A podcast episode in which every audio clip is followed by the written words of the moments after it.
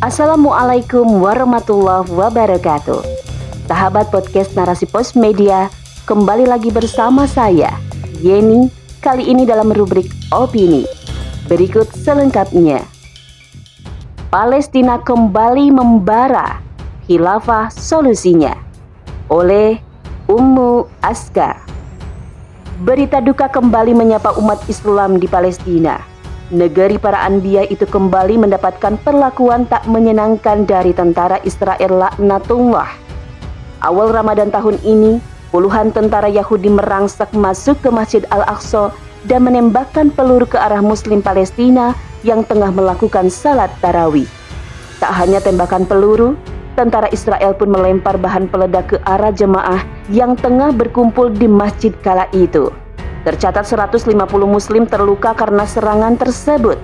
Sementara jemaah wanita dikurung di dalam masjid dengan penjagaan ketat para tentara wanita Israel. Kaum muslim dilarang beribadah di dalam Masjid Al-Aqsa. Kiblat pertama umat Islam tersebut kembali dikuasai dengan penjagaan ketat pasukan Israel. Kondisi ini rupanya tak membuat muslim Palestina ciut nyali dan gentar. Beberapa dari mereka memilih tetap beribadah di sekitar pelataran masjid dengan kesiapan menanggung risiko berupa pemukulan maupun pengusiran. Kondisi yang dialami kaum muslimin Palestina sejatinya terus berulang. Tindakan penyerangan dan penguasaan Masjid Al-Aqsa secara sepihak selalu terjadi hampir setiap bulan Ramadan. Tahun lalu misalnya, ketenangan ibadah muslim Palestina terusik dengan aksi serangan Israel yang membabi buta. Kekerasan meningkat bahkan hingga Ramadan usai. Sudah terlalu banyak informasi yang diterima kaum muslim dunia terkait nasib muslim Palestina. Kekerasan, pembunuhan, penembakan, dan perampasan tanah kaum muslim oleh Israel sudah disiarkan oleh hampir seluruh media di dunia. Seluruh mata memandang kebiadaban Israel terhadap warga Palestina merupakan kejahatan yang menyalahi nilai-nilai kemanusiaan. Namun apa yang terjadi? Sejak pertama kali Israel memerangi wilayah tepi barat, jalur Gaza dan Yerusalem Timur pada tahun 1967, hingga kini Palestina masih membara. Kejahatan Israel terhadap mereka terus berulang seakan tidak ada yang mampu mencegahnya. Restu dan dukungan Amerika Serikat menjadi kunci penting bagi Israel senantiasa jemawa untuk menduduki Palestina.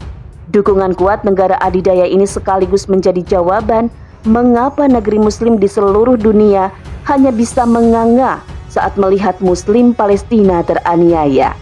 Kecaman yang dikeluarkan oleh pemimpin negeri muslim seluruh dunia bahkan tak mampu mengurangi secuil pun penderitaan muslim Palestina. Sampai kapan umat akan diam dan bersabar melihat kezaliman yang menimpa mereka? Konflik Palestina-Israel merupakan permasalahan genting umat Islam yang harus segera diselesaikan kaum muslimin seluruh dunia wajib bersatu dalam menyikapi konflik tersebut. Beberapa langkah yang bisa diambil adalah sebagai berikut.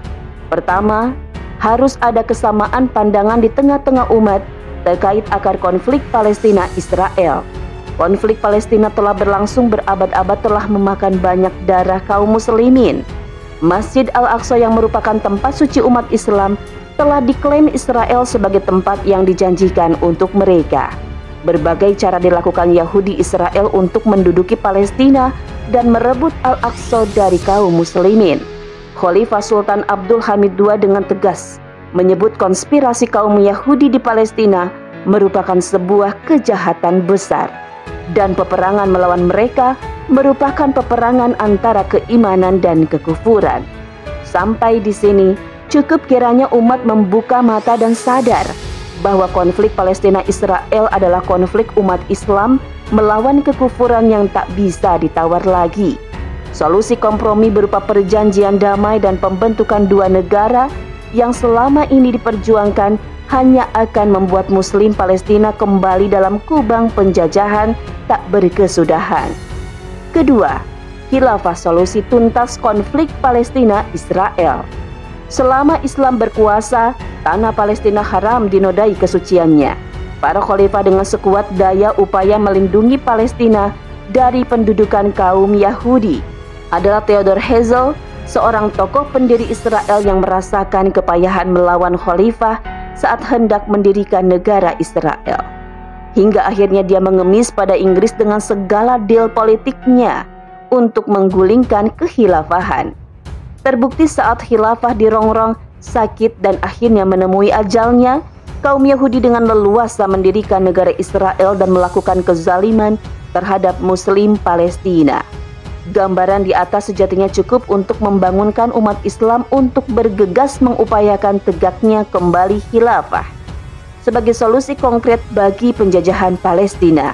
Dengan kekuasaannya, khilafah akan membebaskan Palestina dari penjajahan. Kekuatan iman akan mendorong semangat jihad para tentara khilafah dalam mengusir penjajah Israel. Tak ada ketakutan sedikit pun dari pasukan khilafah yang memiliki jiwa pemenang saat berjihad. Karena siapa pun yang pergi berjihad, maka ia ada dalam dua pilihan yang membahagiakan. Menang dalam keadaan hidup mulia atau mati sebagai syuhada.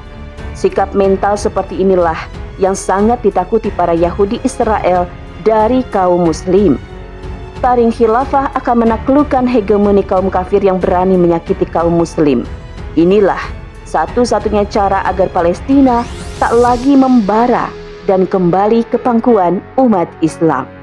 Wallahu a'lam bisawab. Narasi Pos, cerdas dalam literasi media, bijak menangkap peristiwa kunci.